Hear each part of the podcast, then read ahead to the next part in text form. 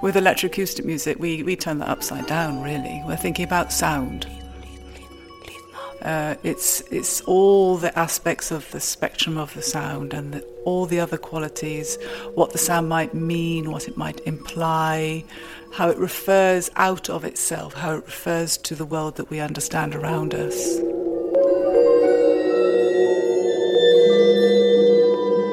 Natasha Barrett er komponist og professor i elektroakustisk komposisjon ved Norges musikkhøgskole. Hvordan lærer hun studentene å uttrykke seg gjennom elektroniske virkemidler? Og hvordan tenker hun selv som komponist? Dette er en podkast Lyden av elektroakustisk komposisjon. Mitt navn er Bodil Marone Jensen. Um, I had an idea to start off with where I have her tiny violin sounds surrounded in a forest of natural sounds and as a, as a sound environment. And that's actually very difficult to synthesize or to fake from scratch or to build up from scratch because the natural environment is very complex. Her blir vi med Natasha Barrett inn i komposisjonsprosessen til et av hennes egne stykker, Sagittarius A. Og som så ofte tar hun utgangspunkt i konkrete lyder fra omgivelsene. Fordi disse lydene gir henne et rikt materiale å bearbeide videre med elektroniske virkemidler. And so we started off by my composing short extracts of materials for her, just sketches. And then we took those out into the forest and then played around with those materials. And of course, they change because you're outside and we have to balance it in many different ways, both to do with the, the gesture and the volume and the articulation and how it behaves outside in the forest. Inne i en skog der det suser fra fjern trafikk og av vind, gjør Natasha Barrett opptak av fiolinisten Karin Hellquist. Opptak som så skal bearbeides videre.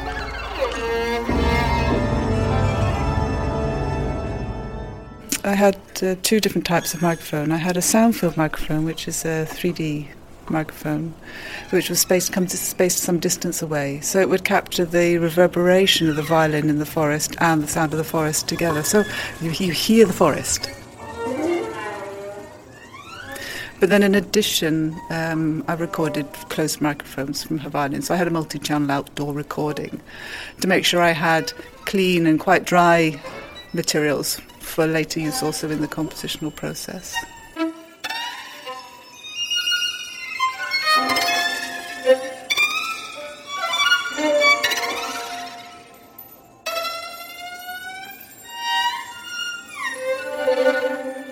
Og nå kan hun begynne å komponere med dette materialet. Now this is the start of a big, uh, you could say, feedback process where I work with some materials and I write more musical notes for Karen, more scores actually, and then uh, reassess them and do more uh, sound processing. And so it, it's an iterative process, gradually building up and finding where these materials go and how the materials control the piece, at the same time wanting to control it myself as a composer. En feedback-prosess kaller hun det, Natasha Barrett, når hun bearbeider materialet videre.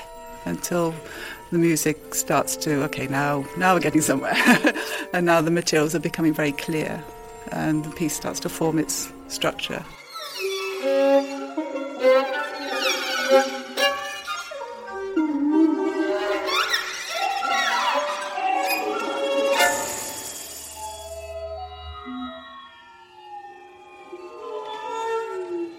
Att eh, spela med elektronik har ju många andra utmaningar än att spela med andre medspelare till exempel.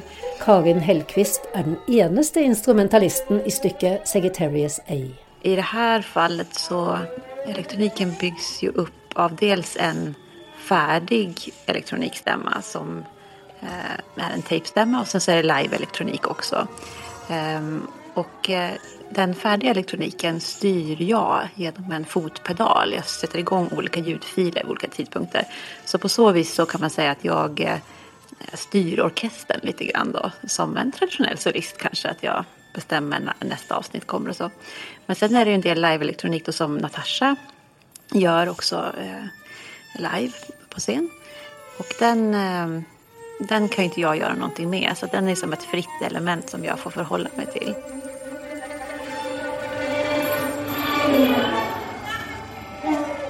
Ja, det høres komplisert ut. Og det er det også.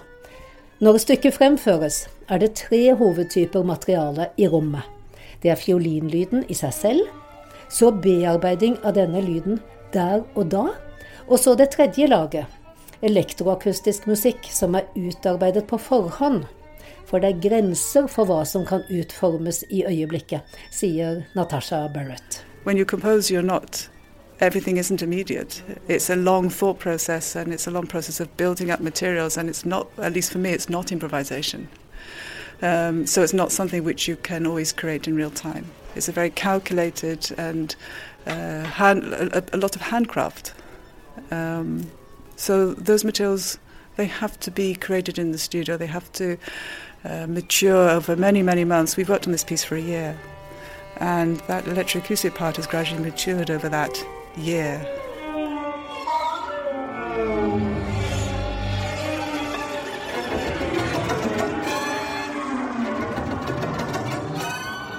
Å sitte i salen og lytte til Sagittarius A er som å sitte i en skog av lyd. 24 høybeinte høyttalere med et lysende grønt øye omringer oss i mørket. Og det som skjer i denne skogen, er at lydene beveger seg kommer fra forskjellige kanter, noen påtrengende og sterke, andre svake og lenger borte. And I'm interested in creating spaces, but I'm also interested in articulating details in that space. And the resolution that I've made the piece is for 24 loudspeakers. But we can, however, play it on fewer loudspeakers if fewer loudspeakers are available, and then we lose some of the spatial resolution. But the music still survives.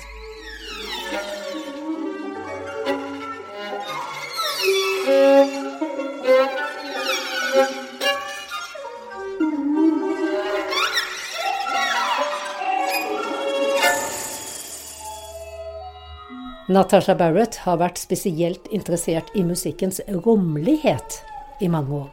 Dvs. Si hvordan det kan skape scener og hendelser i musikken som forflytter seg og forandres, og hvordan disse bevegelsene og illusjonen av avstand er med på å forme musikken. At vi har en fiolinist foran oss som fremkaller lyder på en kjent måte, er som et holdepunkt for oss i sammenhengen. Ja, jag kan godt forstå at det ligger et mysterium i når man sitter i publiken Og jeg håper att eh, man som publikum kan la seg rykkes med av det mysteriet Og, men at det er litt spennende at det ikke er helt selvklart. Man ser ikke var ljuden produceras og hvor de kommer ifrån utan de bara dyker fra noe någonstans og hun har bestemt hvor det skal skje. Det kan være en spenning i det.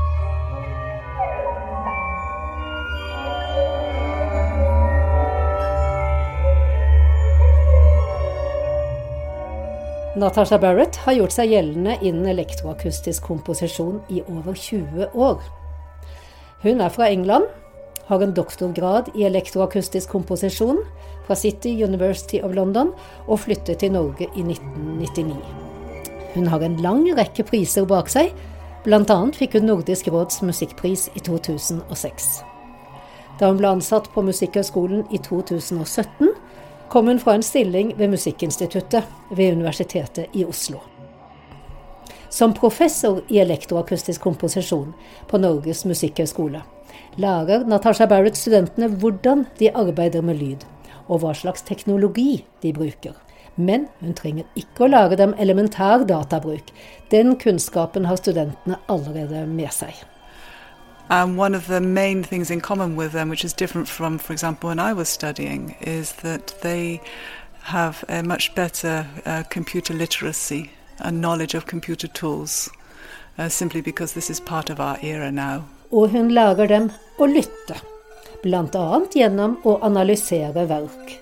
Mye av det samme man gjør også i tradisjonell komposisjonsundervisning. So I'm not reinventing a teaching method. I'm using the same teaching methods, but we're addressing a different kind of music. og det hun ser etter når hun er med på å velge ut studenter til elektroakustisk komposisjon, er det samme som man vil se etter til all type komposisjon. How musical are they? Are they composers? Regardless of really what type of materials and uh, instruments they want to write for, are they actually good composers? Are they curious? Um, are they imaginative?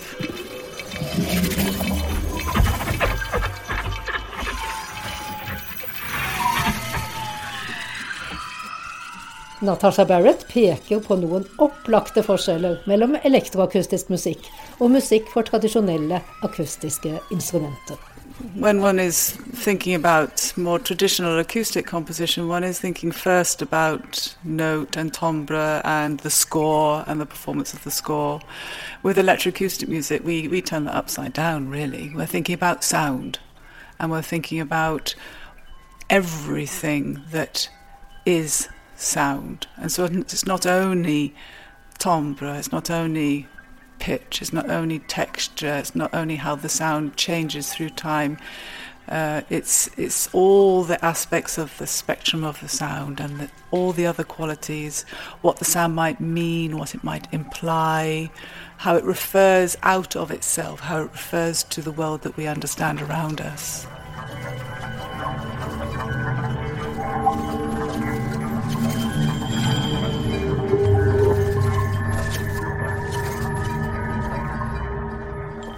En underkategori av elektroakustisk musikk er det som kalles akusmatisk musikk, noe Natasha Barrett har vært spesielt interessert i å utforske.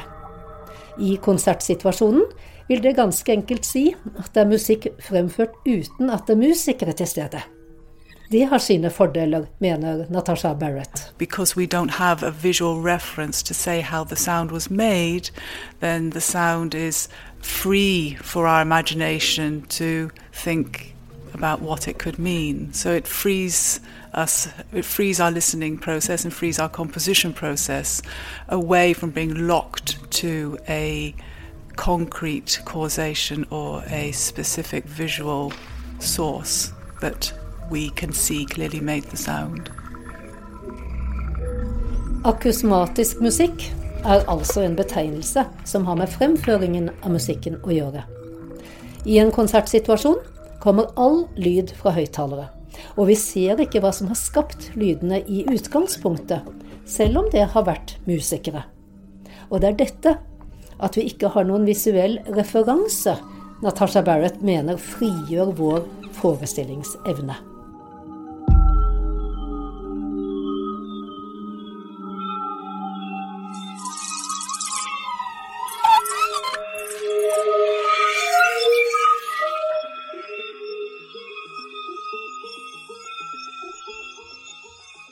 Undervise i musikk som dette kan ha sine utfordringer.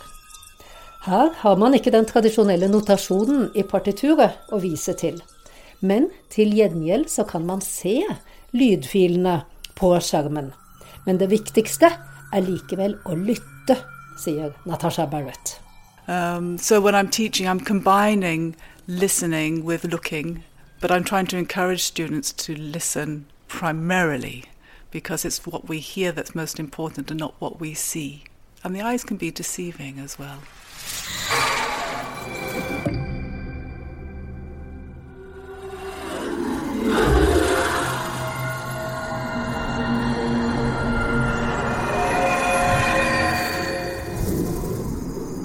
Noe av perspektivet for elektroakustisk komposisjon fremover nå er at datamaskinen begynner å kunne ta avgjørelser for oss. Det er teknologiske endringer som kan komme til å stille spørsmål rundt selve komponistrollen. We could ask a computer to actually compose material for us based on certain rules and a certain framework work that we then program, but allow the computer to then work out the details. And this is going to be a challenge, I think. This is something that composers are going to have to um, understand and to consider. Um, and what point is there artistic control in the compositional process, and what point do they allow the computer to do certain work for them?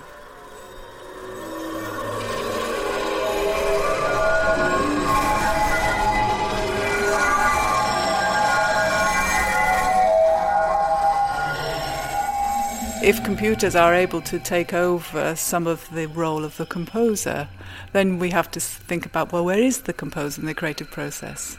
Ja, hvem er komponisten da? Maskinen eller mennesket? Og for Natasha Barrett, som utdanner komponister, komponister som behersker datateknologien, så bringer det henne tilbake til spørsmålet om hva hun legger vekt på når hun ser etter talenter til elektroakustisk komposisjon. And the most important thing is that they are creative and they have inspiration and they're excited about wanting to compose and that they, they are curious and they have ideas. Because if they don't have ideas and they just want to copy what exists, then you might as well just have the computer do that because a computer can copy. Whereas a creative individual finds new things.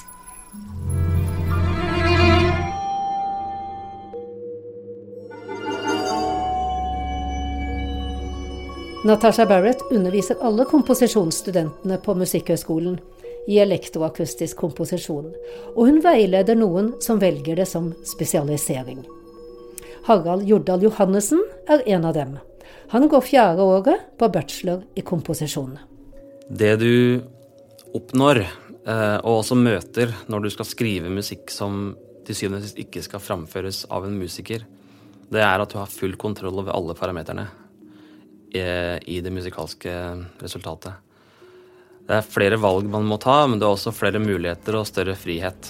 Um, sånn som jeg ser på det.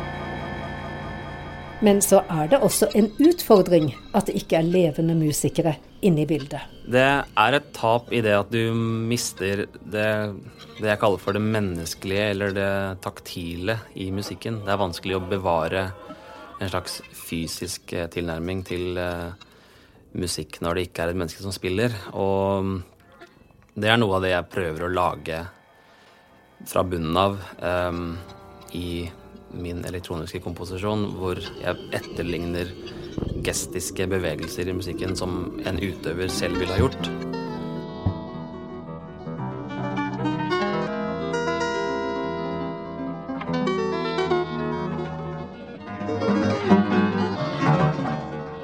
Mitt verktøy ved siden av datamaskin er jo elgitar. Og jeg har brukt eh, mange samples, altså lydklipp av meg, av meg selv som spiller gitar, eh, som grunnstamme for eh, diverse lyder.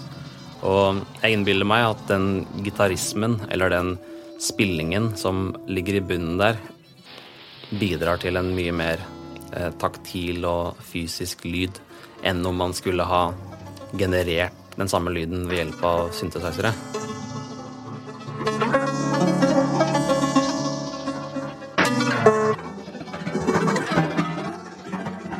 Men hvorfor er det så viktig å ha med noe taktilt? Noe menneskelig, kan man jo da spørre. Um, det er sånn jeg har lytta på musikk hele livet. Um, og når jeg hører musikk som jeg liker, så kjenner jeg det i kroppen. Og den følelsen jeg får i kroppen, den er det på en måte et ønske å kunne projisere ut igjen gjennom et annet stykke musikk seinere, sånn at det kanskje kan nå et annet menneske. Og bare fordi det kommuniserer med meg og min kropp, så, så tenker jeg på det som noe menneskelig.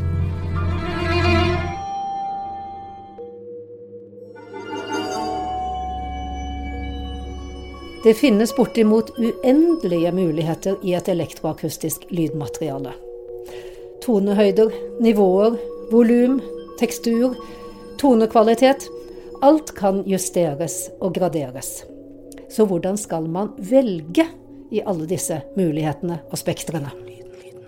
Anna Linn Berg går andre året på kandidatstudiet i komposisjon, og hun er for lengst fortrolig med denne slags spørsmål.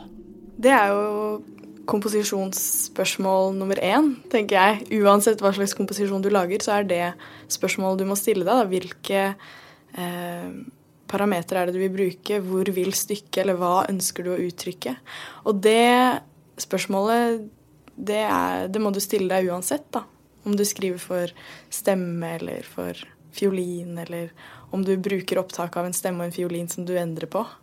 Eh, så er det spørsmål du alltid må eller du alltid må stille deg, da, eller som jeg alltid må stille meg når jeg sitter og jobber med noe nytt. Da.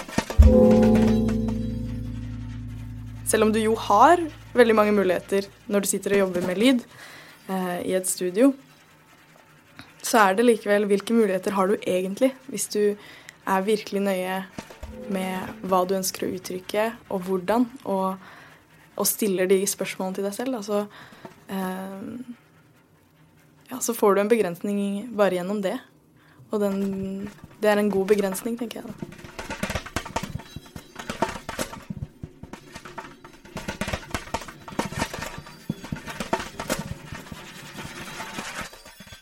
Tilbakemelding fra utøvere er som regel verdifullt for en komponist. Men hvis det ikke er musikere inne i bildet, hva da? Eh, men den tilbakemeldingen kan man jo få av andre også, og ikke bare musikere. Men du kan jo få kolleger eller venner eller andre studenter inn og, og få dem til å høre på det du holder på med, og, og, spørre hvordan det virker på dem. da. Og det tror jeg er den beste måten å utvikle en komposisjon på for meg. da, At jeg får flere stemmer inn som kan si OK, hva syns du, hva syns du om dette her, hva, hvordan virker dette på deg, da? Og så får jeg en umiddelbar respons fra dem på det. Jeg tenker at så lenge jeg tør å invitere folk inn og høre på uferdig arbeid, eller arbeid i prosess, da, så, så, kan jeg få noe av den samme eh, opplevelsen av det som, som, folk som jobber med instrumentalister. Da.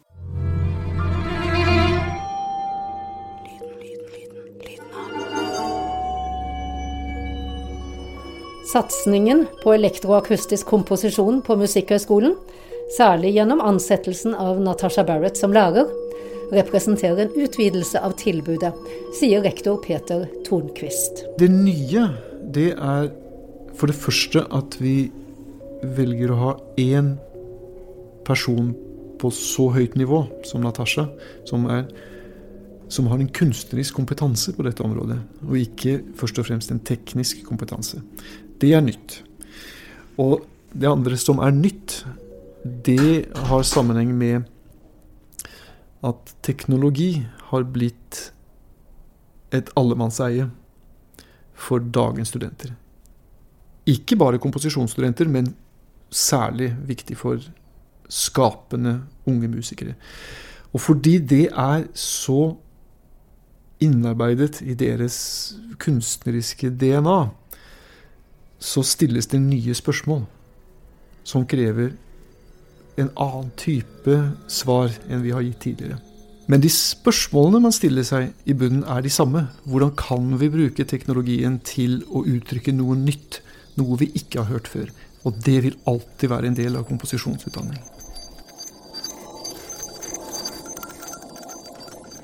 Du har hørt lyden av elektroakustisk komposisjon. Og du hørte til slutt rektor ved Musikkhøgskolen, Peter Tornquist og du har møtt komponist og lærer Natasha Barrett og studentene Harald Jordal Johannessen og Anna Linn Berg. Denne podkasten er laget av meg, Bodil Maroni Jensen, for Norges musikkhøgskole. Redaktør er Kjetil Bjørgan. Og du kan dykke dypere inn i lyden av universet på lydenav.no.